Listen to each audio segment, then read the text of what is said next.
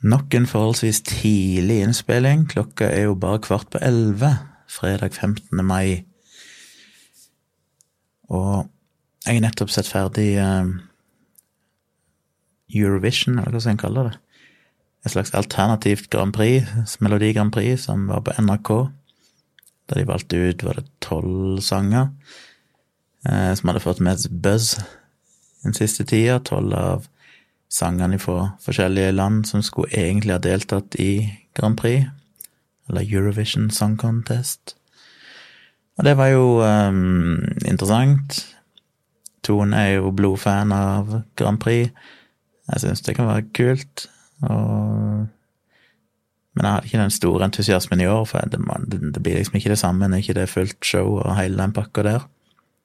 Og jeg hadde ikke hørt noen av sangene før, så det var første gang jeg hører de, og jeg er som regel ganske treig til å ta til meg ny musikk. Jeg må liksom høre det noen ganger før det virkelig synker inn.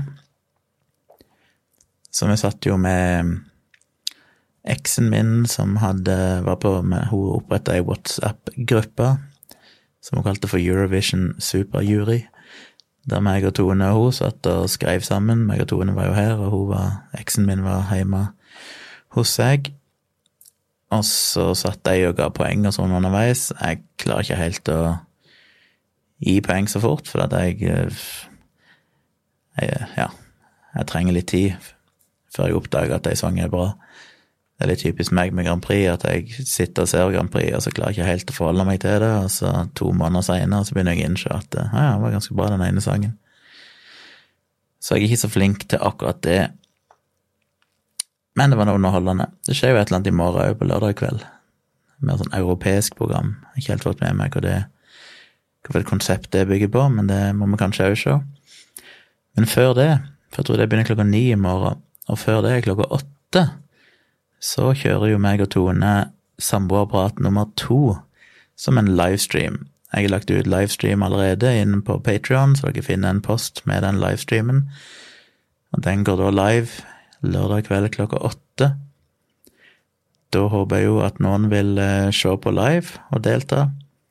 Stille noen spørsmål, delta litt i praten eh, via chattefeltet på YouTube. Så for de som ikke fikk det med seg sist, så ligger det altså en post. Jeg er litt usikker sjøl hvordan det fungerer, siden jeg ikke har prøvd det som publikum, men det ligger jo en post inne på på, what, nei, på Patrion og på en eller annen måte der så kan du vel klikke på den, og så åpne den opp inne på YouTube. Sånn at du får opp kommentarfelt og hele den pakken der, så du kan kommentere og delta. Det var i hvert fall noen som gjorde det sist, og da skal det jo funke. Hvis du bare ser videoen inn i det lille vinduet, holdt jeg på å bare den firkanten inne på Patrion, som du vel òg kan spille den av for, eller det er jeg ikke helt sikker på. Mulig når du klikker på den at det blir sendt til YouTube uansett. Jeg har ikke testa, for det er ikke så lett for meg å teste det når jeg sitter og er live sjøl. Dere finner vel ut av det. Noen kan kanskje kommentere hvordan det fungerer, så jeg kan informere andre. Um, anyway, så det blir uh, samboerprat. Da må vi jo passe på å være ferdig litt før klokka ni, for jeg regner med at Tone vil se det Eurovision-greiene. Så det blir jo maks en time, men det gikk jo en time sist, ganske kjapt, så, så vi får se. Ellers så har dere kanskje sett at uh, jeg syns det var litt sånn trist med disse podkastene som lå ute på Patrion, at de bare mangla på en måte skikkelige skikkelig bilde og sånne ting. Så jeg bestemte meg for å lage en sånn lite coverart Ops. Til podkasten.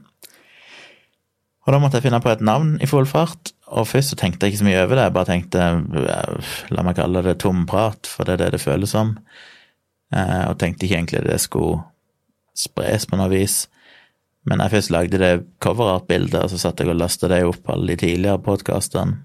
Oppdaterte alle de tidligere episodene, sånn at det så litt mer skikkelig ut. Så tenkte jeg at jeg kunne jo dele det på Facebook og Twitter og Instagram òg.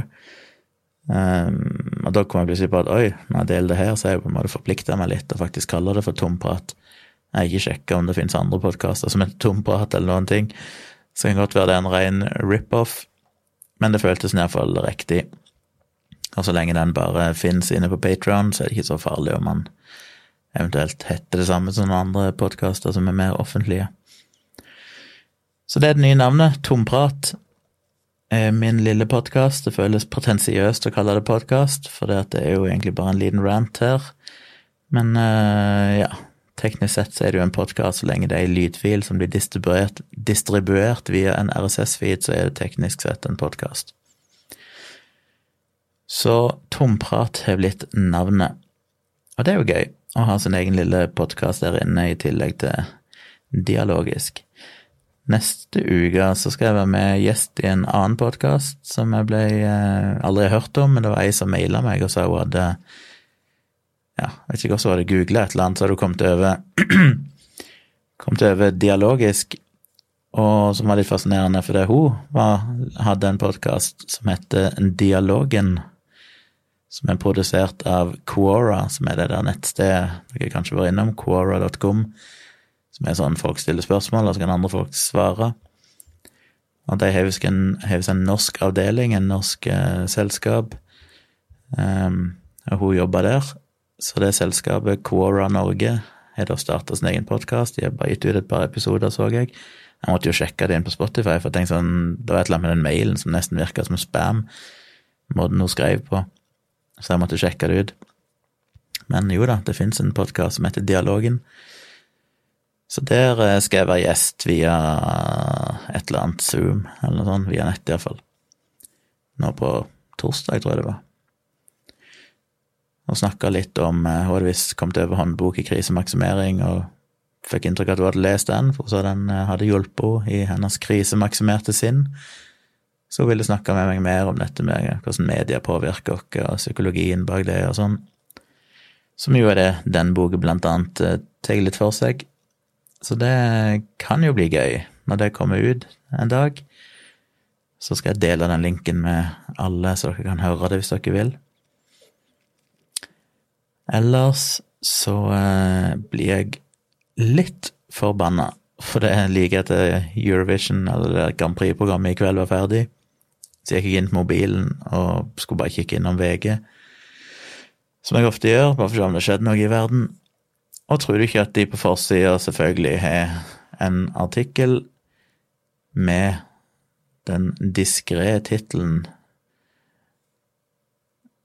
Ja, jeg bør nesten kanskje ikke si det sjøl, for da gjør jeg kanskje samme feilen, men uh, de skrev iallfall navnet på den som vant Idol. Og Idol har jo ikke jeg fått sett, fordi vi så på det Grand Prix-greiene. Og det er så provoserende. Uh, jeg tror det var i samboerapparat, første samboerapparat forrige eh, uke, eller på søndag, så snakket jo meg og Tone om det, hvor irriterende det var at hver gang det vært Kompani Lauritzen på TV 2, som jeg òg ser på, så er de ute samme kveld med en artikkel med en gang i avisen der det står et eller annet om det, og mer eller mindre avslører hva som skjer, eller hvem som gikk ut. Og det er så irriterende, for det er ikke så ofte vi får tid til å se det live, det blir ofte at vi ser det litt seinere på TV2 Sumo. Og da er det så provoserende. Men de var iallfall hakket mer diskré, tror jeg, på Kompani Lauritzen. De er iallfall sånn De gir vel en, en, liten tvil, for de har kanskje bilde av to personer eller et eller annet sånt, og den, så skriver de ikke navnet direkte. Men her på VG i dag så er de jo bare skrevet navnet med bilde av vinneren og vant Idol, så da er jo den spenningen over. Ikke at det er så spennende i utgangspunktet, for Idol i år har jo vært latterlig dårlig. Og det er ja, det er så provoserende. Jeg bare skjønner ikke den juryen, av og til hva de hører med. Det sitter tre jurymedlemmer der som skal være eksperter på musikk, som er på en måte profesjonelle musikere eller i musikkbransjen. Og så er det jo vært et par av de som har gått ut, spesielt hun ene hun heter Hva var det? Var det russisk opphav, vel? Anita Maria Anita, eller Anita Maria, eller et eller annet sånt som definitivt er de beste å synge. Ikke sikkert hun har trengt å vinne, men hun er jo definitivt bedre enn de aller fleste andre der. Og så ryker hun ut, som jo er publikum sitt feil, altså den norske befolkning som stemmer, men de har jo muligheten til å redde noen, og det gadd de ikke å gjøre. Og så sitter det folk igjen, sånn som han der som jeg aldri husker navnet på, men han lille som ser ut som han er tolv år gammel, som jo bare er ikke flink i det hele tatt og går videre og videre og videre. Han gikk vel ut forrige uke, gjorde han ikke det? Omsider. Men det er jo helt sjokkerende at han i det hele tatt gikk til finalen, at han var blant de ti siste. For ja, i starten så var det litt sånn Oi, han var jo flink til å synge, uh, ut ifra at han var så ung og sånne ting. Men når det kom litt lenger opp, og det liksom begynte å tette seg til i nivåene der, så falt han jo helt gjennom. Men han vant vel bare fordi han var sjarmerende og så liksom ganske spinkel ut og kom i stemmeskiftet og liksom alt dette her. Men han kunne jo virkelig ikke synge på det nivået som burde vært påkrevd i en sånn finale. Eller en sånn eh, de ti siste, da, hvis jeg kaller det for finale, finaleheatet. Og det provoserer meg så, for det er sånn når du stemmer ut noen som helt åpenbart er blant de to-tre beste ganske tidlig, og andre helt talentløse folk er igjen, da er det bare sånn Hvorfor gidder jeg å se på dette her? Og det var jo bare unntaksvis i løpet av alle episodene eh, med de ti siste at det var noen bra sangprestasjoner. De fleste var jo sånn Det var som å se på en skolerevy. Ja, det er bare Uff. Nei. Det har tapt seg så til de grader. Ikke at det noensinne har vært helt fantastisk, men det har i hvert fall vært noen talentfulle sanger der oppe gjennom årene. Så det er provoserende. Men jeg får vel se det i oppdag. Enten, Jeg tror ikke vi gidder i kveld, kanskje vi ser det i morgen en gang, eller noe sånt. Men det er jo skikkelig irriterende å vite hvem som vinner. Um, og så ser jeg jo at uh, SAS krever ansiktsmaske på fly som jeg finner litt merkverdig. Dattera mi kommer her på torsdag, er det vel. Da skal hun flyge til Oslo for første gang siden eh, jeg vet ikke sist, det var vel helt i begynnelsen av mars. Den første helga i mars, da var hun her sist. Eh, hun var her to ganger etterpå det, men da ene gang ja, Da har vi ja, To ganger har vi kjørt og henta henne. Ja. To ganger har vi kjørt til Porsgrunn og henta henne. Hun bor i Kristiansand, men møttes altså på halvveien. Mora hennes kjørte henne til Porsgrunn, og vi kjørte til Porsgrunn, og så møttes vi der. Men hun har pleid å flyge helt siden hun var fem år gammel, eller sånn, så har hun flydd alene til Oslo eh, annenhver helg. Så det klimaavtrykket hun sitter med, ja, vi skylder på henne, ikke foreldrene. Det er ganske utrivelig. Men sånn er det. Jeg ofrer faktisk eh, samvittigheten min for å kunne se dattera mi akkurat i det tilfellet. Men nå skal hun flyge igjen for første gang på lenge, og må altså ha ansiktsmaske. Og så er det litt sånn uklart om hvilken type ansiktsmaske du må ha. Du må skaffe det sjøl, det er ikke sånn at de står og deler ut til deg. Eh, jeg leste en eller annen artikkel nå der det sto at SAS hadde gått ut med informasjon om at det måtte være en sånn skikkelig ja, sånn du kjøper på apoteket, sånn skikkelig ansiktsmaske. Men så hadde de skått litt tilbake på det og sagt at ja, du kan egentlig ha sånn hjemmelagd òg. Bare egentlig et, et, et tøyfille, holdt jeg på å si, rundt øynene hvis du vil det. Men hvorfor i all verden krever de det? Det virker jo helt merkverdig. Både fordi det virker som det er liten smitterisiko på fly i utgangspunktet, det er en én ting, men effekten av de ansiktsmaskene er jo ekstremt omdiskutert. Jeg syns han Steven Novella, som er med i denne Skeptics Guide to the Universe-podkasten, og som jo er lege og har en blogg. Eh, han skriver blant annet på sciencebasedmedicine.com. Der er det jo flere som skriver, blant annet han. Så han har jo sin egen blogg som heter Neuro Neurologica. Eh, der han blogger, og han skrev en artikkel om liksom, hva viser egentlig vitenskapen om effekten av ansiktsmaske når det gjelder koronaviruset. Han så litt på forskningen der, og det er jo mye motstridende og sprikende resultater. En vet jo ikke helt, og en del data man henter fra studier som ikke handler om koronaviruset, men som er basert på tidligere erfaringer, f.eks. med influensavirus og sånn.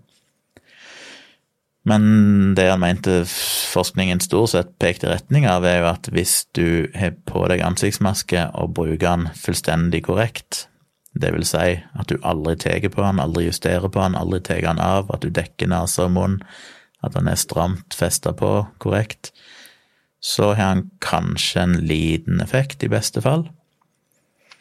Men hva er sjansen for at vanlige mennesker klarer å bruke en ansiktsmaske korrekt? Den er forsvinnende liten. Helsepersonell er jo lært opp til hva de skal bruke den, og ikke ta på den og alt dette her. Men hvis du er en vanlig person og tar på deg ansiktsmaske, og så bare tar du den vekk et øyeblikk for å snakke med noen, eller uh, for jeg, ikke, jeg vet ikke hvordan det er med Face ID nå, for eksempel med på en iPhone, hvor godt jeg gjenkjenner deg med maske på. Men iallfall, eller hvis du bare tar den opp og justerer på den, eller klør deg, så er det basically gjort vondt verre. For det er noen studier viser at de fant faktisk mer virus på utsida av maska enn på innsida. Som kan være fordi at luftet blir ført ut og rundt kanten, og så fester virusene seg på utsida. Så anyway, hvis du tar på han eller justerer på han eller gjør noen ting som helst, så er det basically bare gjort ting verre. Så ja. For meg så fremstår det mest som en slags ja, Det kan være to ting. Det ene er nesten en sånn fuck you fra SAS for at de må At de må ha midtraden eh, av de tre stolene på hver side av midtgangen, at den må stå tom, så de kan ha færre passasjerer. Så er kanskje en liten fuck you til regjeringa. Ja, ok, skal det være på den måten, så skal vi iallfall eh, ha strenge krav her, bare for å gjøre det mest mulig utrivelig. Men ellers så høres det egentlig mest ut som at de prøver å signalisere at de tar det på alvor, uten at de egentlig nødvendigvis uten at det tiltaket i seg sjøl egentlig har noen spesiell effekt. Så egentlig så er det jo bare slitsomt, og spesielt når ikke de kan være tydelige på hva reglene egentlig er. Og jeg hadde jo egentlig forventa at de sto og delte ut ansiktsmasker sånn at det var standardisert, og folk faktisk visste hva de skulle forholde seg til. Men nei da. Så før torsdag så må hun ha fått kjøpt seg ansiktsmaske på apoteket. Aller helst. Hvis det er mulig å oppdrive. Jeg vet ikke hva til, tilgjengeligheten på de er nå for tida. Og så slo det meg i dag, jeg var nede en kjapp tur nede i sentrum. Eh, bare tok toget ned og jeg skulle handle noe, og så opp igjen. Og når jeg kom på togstasjonen på Oslo S, så kom det tre jenter gående med ansiktsmaske. Og så slo det meg kanskje dette blir en ny trend i Norge òg. Jeg var jo i Japan nå i slutten av oktober og begynnelsen av november i fjor. Og der vet jo, som dere sikkert vet, så er jo det veldig inn i asiatiske land å gå med disse ansiktsmaskene. Noen gjør det kanskje fordi at luftet ja, I enkelte steder, byer i Asia, så er jo luftet ganske forurensa. Men det er nok mer en slags fashion statement, eller bare det å dekke til ansiktet føles veldig behagelig. Det er akkurat som en del velger å gå med solbriller, for det gir deg en slags psykologisk vern. Eh, jeg kan på en måte skjønne det. Å gå med ansiktsmaske det gir deg en form for frihet fra samfunnet.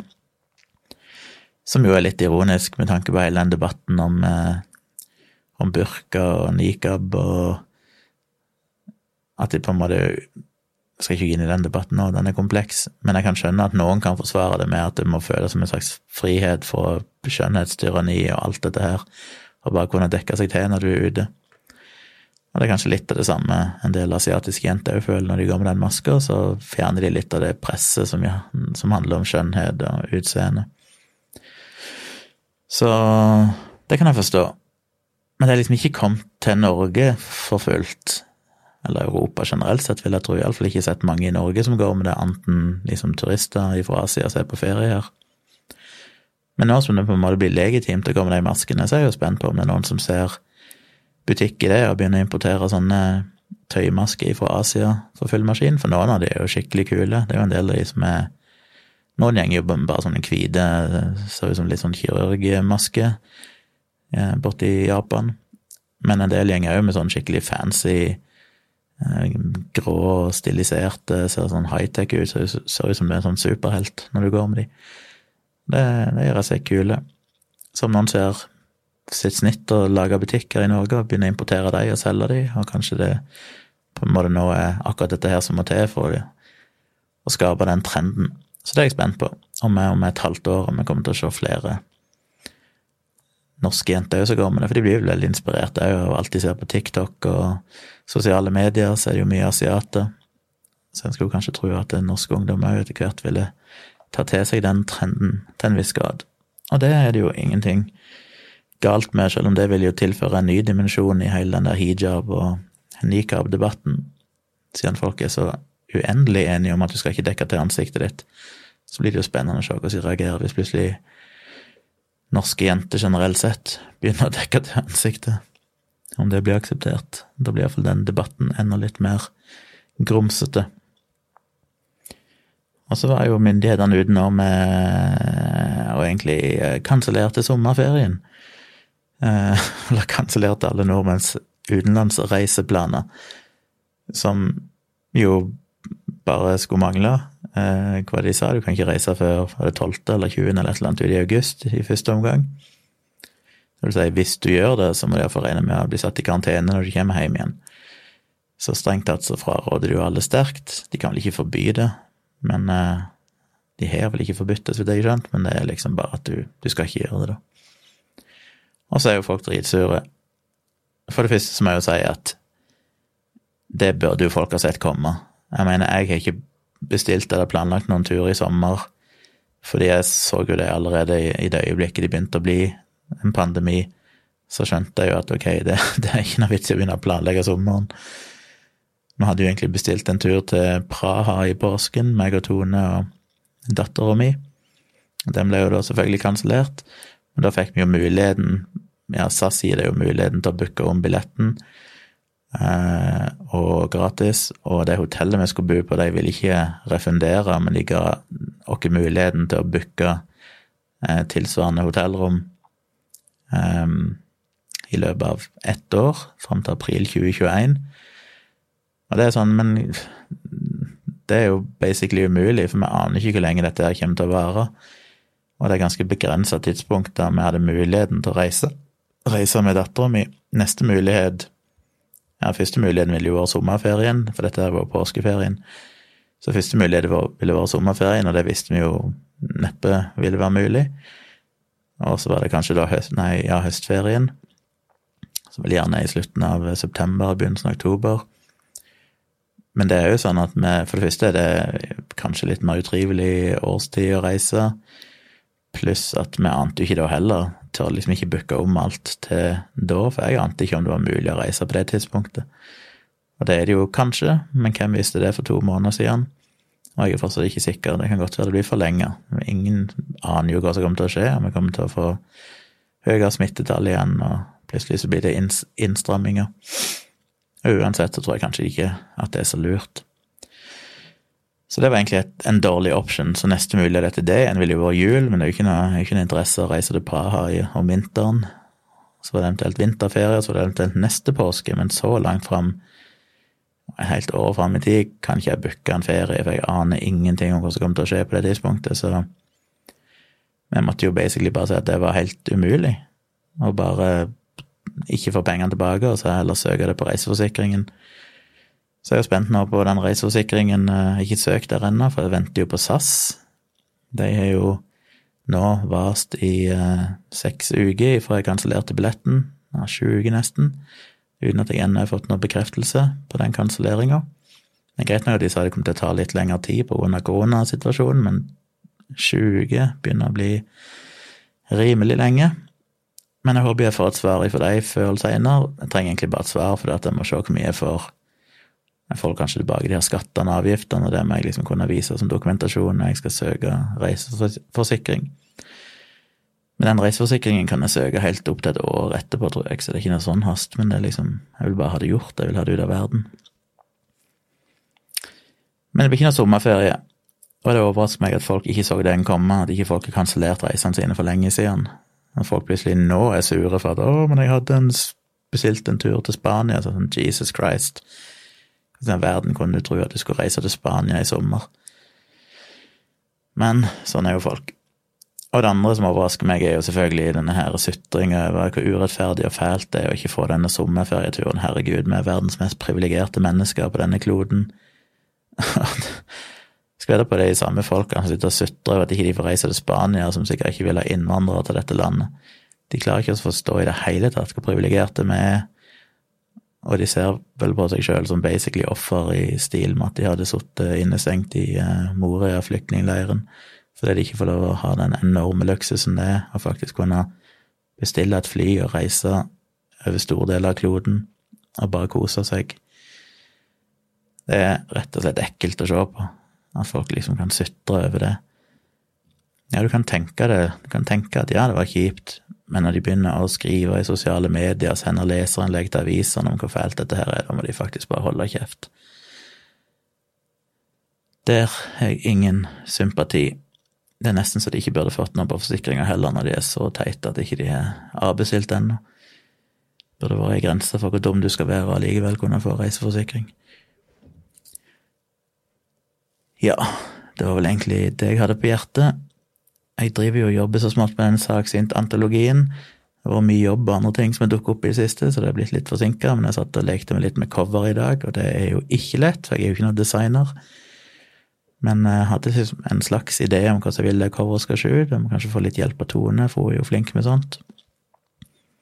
Men jeg har lyst til å ha et cover klar, bare så jeg liksom har en slags visuell representasjon av hva boka kommer til å bli, sånn at jeg kan begynne å, å markedsføre det litt ut. Da er det litt viktig, tror jeg, å kunne vise det som ser ut som ei bok, en mockup av ei bok, sånn som den kommer til å se ut når den er ferdig. Så det har jeg jobba litt med. Jeg får se i morgen om jeg kanskje får litt mer tid til å jobbe med tekstene igjen da, siden det har vært travelt denne uka. Um, på mandag skal jeg ha et møte med et TV-selskap, eller et produksjonsselskap, som jobber med en TV-serie som skal gå på TV2.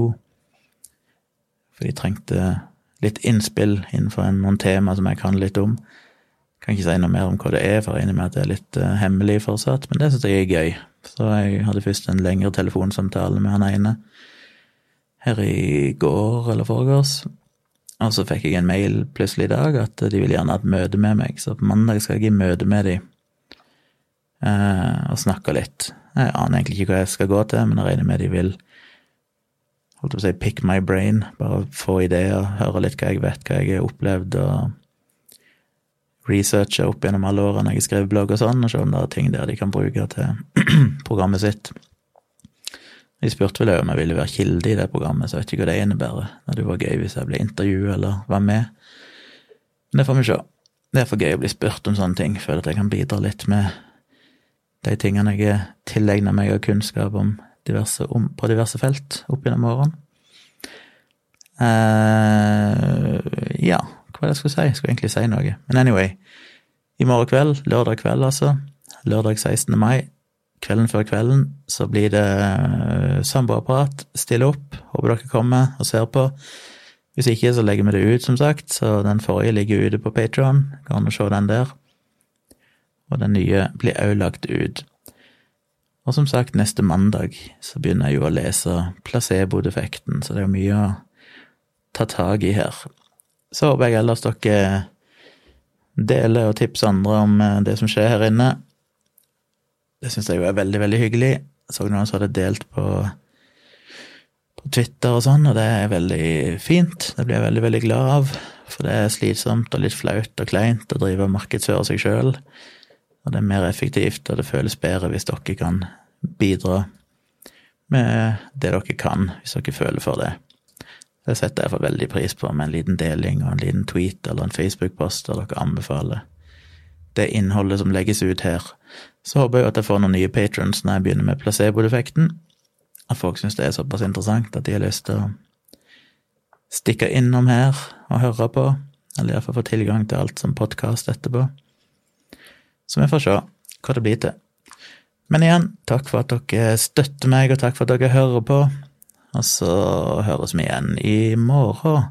Det blir kanskje ikke Jeg får se om det blir en podkast i morgen. Det blir jo samboerprater, så det er mulig at det tar plassen for podkasten. Med mindre det skjer noe veldig spesielt. Så mest sannsynlig blir det podkast i morgen. Og så blir det nok en liten eh, Nei, det blir samboerprat, livestream, i morgen. Og så blir det en liten eh, podkast igjen på søndag, regner jeg med. Så da høres vi igjen. God kveld.